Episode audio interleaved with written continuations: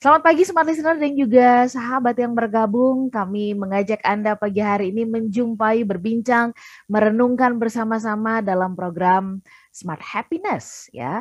Kenapa sih orang religius bisa berbuat jahat gitu ya? Saya bersama-sama dengan motivator nasional di bidang leadership and happiness ada Pak Arfan Pradiansyah. Selamat pagi Pak Arfan. Selamat pagi Mbak Ola, apa kabar hari ini? Bukan karena saya hitam terus jadi evil ya Pak. sehat ya Pak Arfan ya? Alhamdulillah sehat selalu Mbak Ola. Mbak Ola juga gitu ya, sehat ya, selalu ya? Sehat Pak, terima kasih.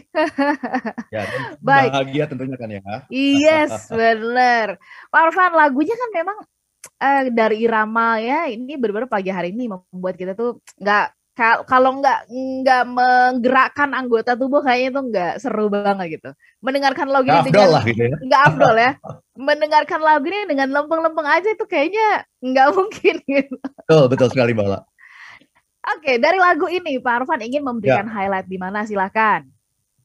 Ya, terima kasih banyak Mbak Ola ya. Jadi lagu ini bercerita tentang uh, kegelisahan dan uh, kegundahan seseorang yang melihat dunia saat ini kok dipenuhi oleh orang-orang jahat gitu.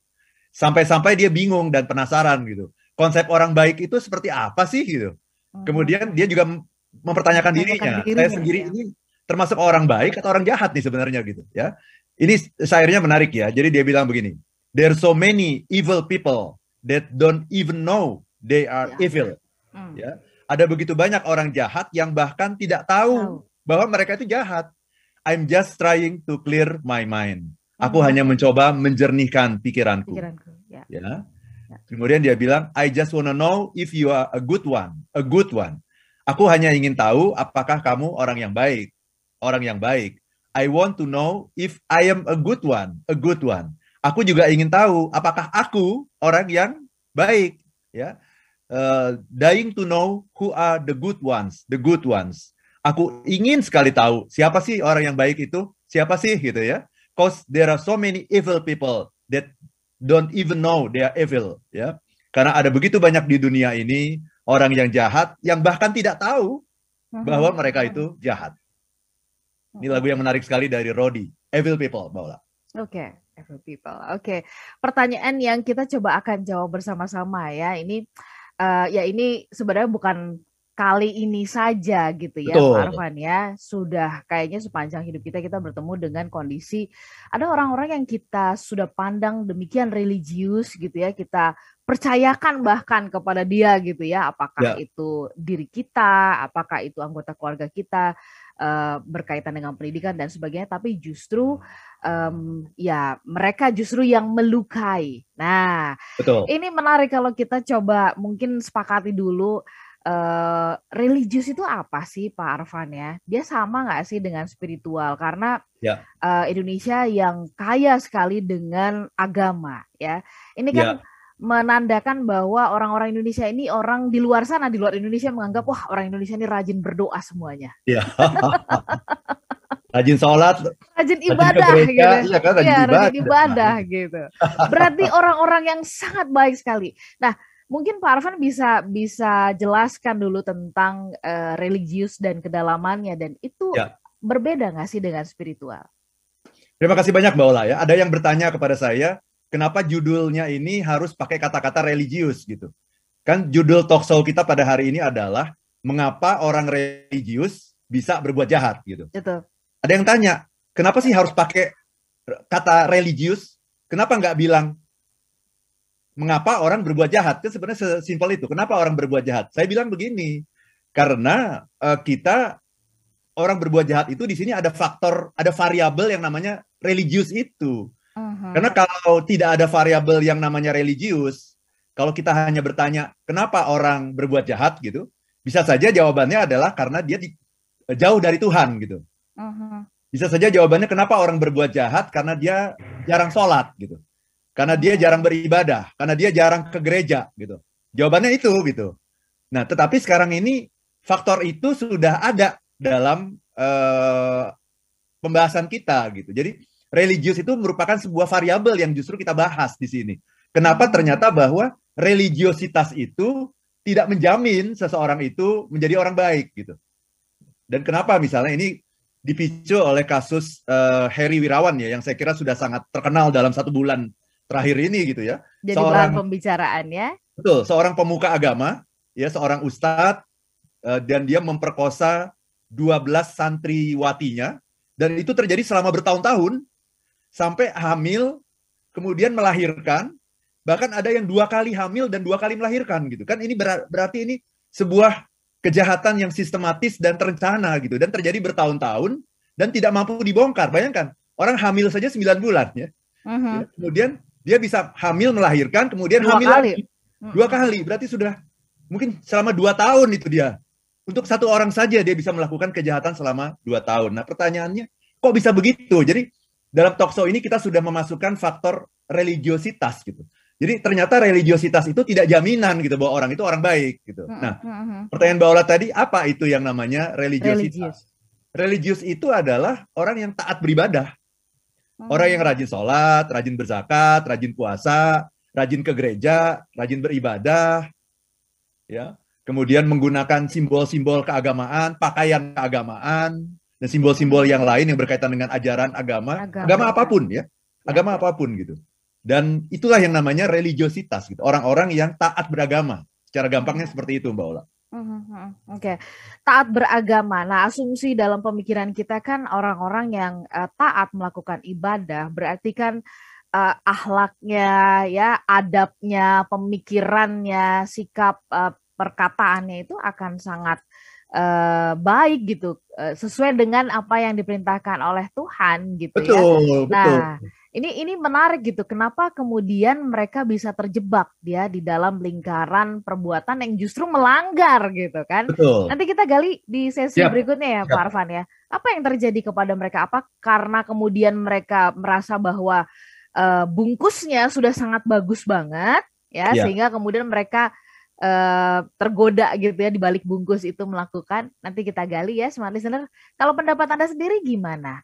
Kalau Anda coba review-review gitu ya uh, selama setahun ini apakah Anda anda sendiri ya, nggak usah kita lihat ke orang deh gitu. Nanti saya juga akan juga share ke Anda gitu. Nah. Tergolong yang religius atau spiritual nih. Religius itu ya tadi uh, sampai di tataran atau tahapan kita rajin sekali beribadah. Apa komentar Anda ya? Silakan di 0812 11 12 959 itu WhatsApp kami bisa Anda pakai. Kami juga sedang live di Facebook Smart FM ya. Anda tinggal search saja uh, radio Smart FM. Kemudian kami juga live di YouTube di kanal Smart FM. Anda juga bisa mendengarkan siaran ini melalui aplikasi Jux Music. Anda bisa download di Play Store. So, Anda bisa mendengarkan kami di mana pun. Kami jadi sesaat tetap bersama kami. Listener dan juga sahabat yang bergabung, kami sambung perbincangannya dalam Smart Happiness. Selamat pagi buat Anda yang ada di Jakarta, kemudian di Depok, Tangerang, Bekasi, Bogor ya. Selamat pagi, semalaman mungkin Jabodetabek diguyur hujan ya. Kalau di Surabaya dan Yogyakarta bagaimana? Apakah semalaman ini juga Anda diguyur hujan kota Anda? Kemudian saya menyapa Anda yang ada di Medan, Palembang dan juga Pekanbaru. Semangat pagi untuk Anda semuanya. Kami ajak Anda pagi hari ini ikut bergabung. Kemudian uh, saya beralih ke Banjarmasin Balikpapan kemudian Makassar dan juga Manado. Anda bisa sambil mengupdate ya kondisi terkini cuaca uh, di tempat Anda masing-masing gitu ya, apakah cukup cerah atau memang uh, justru mendung, tu, sudah turun hujan atau angin kencang dan sebagainya. Saling mengupdate, saling mengabari ya di pagi ini ya. Di kesempatan kita berbincang mengapa orang religius bisa berbuat jahat. Jadi bukan orang religius itu jahat ya, tapi bisa berbuat jahat karena kan tadi kita sempat berbincang di uh, sesi pertama Pak Arfan um, menyampaikan bahwa orang religius itu adalah orang yang taat beribadah nih. Berarti kan semua tata cara yang di apa ya disampaikan atau dituliskan, diaturkan dalam agama dilakukan, dilaksanakan ya dengan sangat taat. Oke, kita sambung nih. Tapi kenapa kok bisa berbuat jahat? Karena dalam pemikiran kita orang-orang yang taat beribadah harusnya dia um, ini ya uh, baik gitu ya, baik di dalam maupun di luar. Pak Arfan, kita coba uh, kuliti satu persatu ya. gitu ya. Kalau religius itu terkait uh, ketaatan beribadah, apakah ketaatan beribadah tidak inline, tidak berbanding lurus dengan bahwa uh, ia be, apa ya menghayati ya menghayati ajaran yang dia uh, atau tata ibadah yang dia yang dia lakukan Pak Arfan? Ya, uh, ini pertanyaan bagus sekali ini Mbak Ola ya. Tapi sebelum masuk ke menjawab pertanyaan ini, saya cuma ingin mengatakan begini Mbak Ola. Jadi sebetulnya kalau ada orang religius yang berbuat jahat gitu, ada kita harus membedakan ada dua jenis Mbak Ola. Oh oke. Okay. Ada dua jenis orang religius yang berbuat jahat gitu ya. ya. Yang pertama adalah orang itu sebetulnya orang jahat gitu. Dia hmm. emang orang jahat yang berpura-pura religius. religius. Jadi dia berpura-pura religius itu semata-mata untuk menjalankan maksud jahatnya gitu. Uh-huh. Kita tidak tahu nih orang seperti Heri Wirawan ini apakah dia sebenarnya orang jahat yang berpura-pura jadi ustadz kan bisa begitu ya? Uh-huh ya supaya aman dia pakai predikat ustadz jadi aman padahal dia sebetulnya dia bukan bukan ustadz dia orang jahat gitu ya hmm. atau kemungkinan kedua kemungkinan kedua adalah orangnya religius orang yang religius kemudian dalam perjalanan waktu dia menjadi orang jahat karena dia merasa telah ada dalam zona aman bahwa uh-huh. kenapa karena ini orang religius yang baik dan sebagainya tapi kemudian seiring dengan perjalanan waktu dia merasa bahwa semua orang udah percaya sama saya. Uh-huh. Saya sudah mendapatkan trust dari banyak orang. Karena itu saya sudah merasa aman. Jadi ibaratnya begini. Kalau anak sekolah, misalnya kita anak sekolah nih, bayangkan ya Mbak Ola ya. Kalau anak sekolah, dia belajar atau dia nggak belajar. Uh-huh. Orang mengatakan dia pasti belajar nih. Kira-kira dia akan belajar nggak Mbak Ola? Enggak. Enggak kan? Jadi ya. katakanlah Mbak Mbak Ola anak sekolah nih ya. Mbak Ola mau belajar kek, mau nggak belajar kek, orang udah yakin kalau Mbak Ola itu pasti belajar gitu. Udah saya nggak belajar. Gak belajar, nah itu. itu itu iya. analogi sederhana ya. Maksudnya saya baik atau nggak baik, orang pasti bilang saya baik. Ya udah ngapain saya harus effort untuk berbuat baik gitu.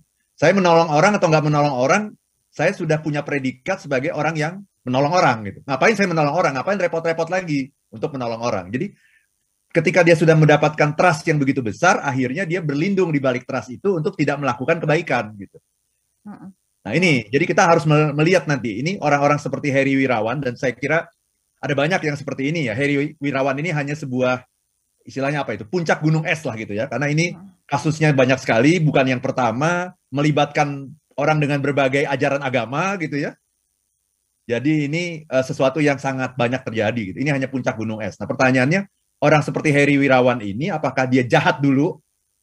Memang orang jahat gitu, yang ber, memakai topeng religius, atau sebetulnya orang yang religius yang kemudian merasa aman dengan statusnya dan kemudian dia melakukan hal-hal yang jahat gitu karena dia merasa sudah mendapatkan trust dari banyak orang. Nah, yang mana itu? Nah, kita yeah. tidak tidak tahu dan kita hanya bisa menerka gitu. Kira-kira ini dia masuk kategori yang mana gitu, Mbak Ola?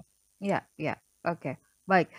Uh, menyambung tadi pertanyaan saya Pak ya. Arfan, ya. kalau tadi Bapak sudah menyampaikan terlebih dahulu nih ya gitu ya, ada dua golongan atau ada dua jenis yang pada dasarnya memang jahat atau yang memang uh, dia menggunakan topeng. Nah, Uh, taruhlah kemudian ini keduanya kita anggaplah bahwa pada awalnya mereka mengenal yang namanya kebaikan gitu ya lewat yeah. uh, ajaran agama yang mereka lakukan gitu. Ya. Uh, tetapi kemudian ada perubahan ya dan mereka menjadi orang jahat gitu. Yeah. Nah ini ini uh, berarti kalau misalnya mereka menjalankan uh, ibadah dengan sangat taat, berarti kan ada sesuatu yang uh, mereka tidak menghayati secara mendalam ya Pak Arfan sampai yeah. kemudian uh, mereka mereka jatuh gitu ya mereka uh, terjerat gitu di dalam perbuatan uh, jahat ini uh, salah di penghayatan atau yeah. karena mereka menganggap yang penting saya sudah melakukan ini nih tata cara tadi itu tuh Pak Arfan ya yeah. very good question ini pertanyaannya bagus sekali Mbak Ola ya jadi sama halnya dengan orang yang bersedekah gitu misalnya, orang yang bersedekah, orang yang menolong orang. Itu bagus apa enggak menurut Mbak Ola? Bagus. Bersedekah itu bagus. Bukan tergantung niatnya ya? Oh. Ini ada kaitannya dengan niat gitu ya. Iya dong. Oke. Okay. Jadi ketika kita melihat sesuatu itu, ada yang namanya perilaku, hmm. ada yang namanya intention, niat. gitu. Perilaku itu yang kelihatan. Perilakunya adalah menolong orang. Ya. Niatannya, oke. Okay, gitu Niatannya, ya. nah ya misalnya ada seseorang mau mau traktir Mbak Ola makan siang kan, seperti itu. Baik nggak itu? Ya baiklah. Tapi kan kita harus lihat sebenarnya apa nih yang ada di balik ini. Apakah dia betul-betul ingin berteman dengan Mbak Ola, ingin bersahabat, ingin membangun hubungan, atau dia punya kepentingan yang dia ingin dapatkan dari Mbak Mbak Mbak, Mbak Ola gitu. Jadi dia melihat Mbak Ola ini sebagai subjek, sebagai subjek atau sebagai objek gitu. Sebagai objek. Gitu ya. Atau dia hanya ingin pencitraan saja gitu. Jadi kita harus melihat dari berbagai sudut pandang Mbak Ola. Yang dilihat itu sebetulnya adalah niatnya, intentionnya. Sama gitu. Ketika orang sholat, sholatnya itu kenapa dia sholat gitu. Bukan sholatnya yang yang menjadi yang bernilai sesungguhnya, tapi apa yang ada di balik itu gitu. Nah, ada banyak orang yang ketika dia melakukan sesuatu, memang niatnya itu bukan spiritual gitu. Uh-huh. Jadi kalau saya sholat, kelihatannya baik, saya sholat. Tapi saya sholat itu bisa niatnya ada dua. Pertama adalah spiritual, yang kedua non spiritual. Uh-huh. Spiritual adalah ketika niat saya sholat itu adalah untuk membangun connection dengan Tuhan gitu. Uh-huh. Ketika saya berdoa itu saya sedang niatnya adalah membangun connection dengan Tuhan. Itu namanya spiritual. Tapi ada banyak sekali orang yang sholat niatnya non spiritual. Apa itu non spiritual? Misalnya adalah untuk uh, cari uh, apa cari muka di depan mertua, misalnya gitu kan? Uh-huh. Atau uh, pencitraan di depan uh, tim membernya gitu. Atau ingin mendapatkan sesuatu yang lebih besar gitu dengan melakukan itu misalnya. Ya, Jadi bukan membangun hubungan dengan Tuhan. Nah, Sholat yang membangun hubungan dengan Tuhan itu namanya spiritualitas gitu. Tapi ketika sholat bukan untuk membangun hubungan dengan Tuhan, tapi hanya untuk pencitraan, itu non spiritualitas dan itu tapi itu religius gitu. Hmm. Religius dalam pengertian ya dia menjalankan ajaran agamanya gitu. Hmm. Dengan sangat taat, dengan sangat runut, rukun-rukunnya dijalankan gitu. Hmm. Tetapi alasannya atau intentionnya itu non spiritualitas. Ya. Nah, sehingga kita mengatakan orang ini adalah orang yang religius tapi tidak spiritual gitu. Hmm, hmm, hmm, nah, yang Jadi, pertama tadi orang religius dan spiritual karena niat saya adalah membangun connection dengan Tuhan. Itu Mbak Ola. Iya, iya, iya. Jadi artinya uh, Pak Arfan juga ingin menegaskan bahwa tidak berarti orang yang religius itu adalah orang yang spiritual gitu ya. Betul. Oke, tetapi betul. bisa jadi orang yang spiritual adalah termasuk orang yang juga religius, betul ya, betul, Pak Arman ya? Betul, Oke, betul. Baik. Jadi spiritualitas itu berkaitan dengan intentionnya, niatnya, mindsetnya gitu. Religiositas itu berkaitan dengan perilakunya gitu. Tetapi perilaku itu perilaku yang sama bisa didasari oleh niat yang berbeda. Gitu. Uh -huh. Nah, kualitas perbuatan seseorang itu bukan dilihat dari perbuatannya per se, tapi dilihat dari niatnya apa gitu. Baik, Pak Arfan, um, kalau tadi Pak Arfan mengatakan ini tergantung dengan intentionnya gitu. Dari mana kita sebagai orang awam bisa melihat perbedaan ya, niatan yang memang uh, sesungguhnya baik begitu ya, sama niatannya memang udah nggak baik nih, emang niatannya udah nggak nggak nggak nggak beres nih gitu. Apakah dilihat dari buahnya gitu kan atau dari mana sih ya nanti kita juga uh, ini juga jadi alat atau jadi cermin kan buat ngecek kita sendiri jangan-jangan ya, ya kita nih gitu ya juga perlu diluruskan gitu. Smart listener silakan Anda boleh kasih tanggapan pendapat terkait perbincangan kami. Kenapa orang baik bisa berbuat jahat? Sudah banyak tanggapan yang masuk, nanti kita akan coba cicil di part yang berikut ya. Tetaplah bersama dengan kami dalam Smart Happiness di kesempatan pagi ini.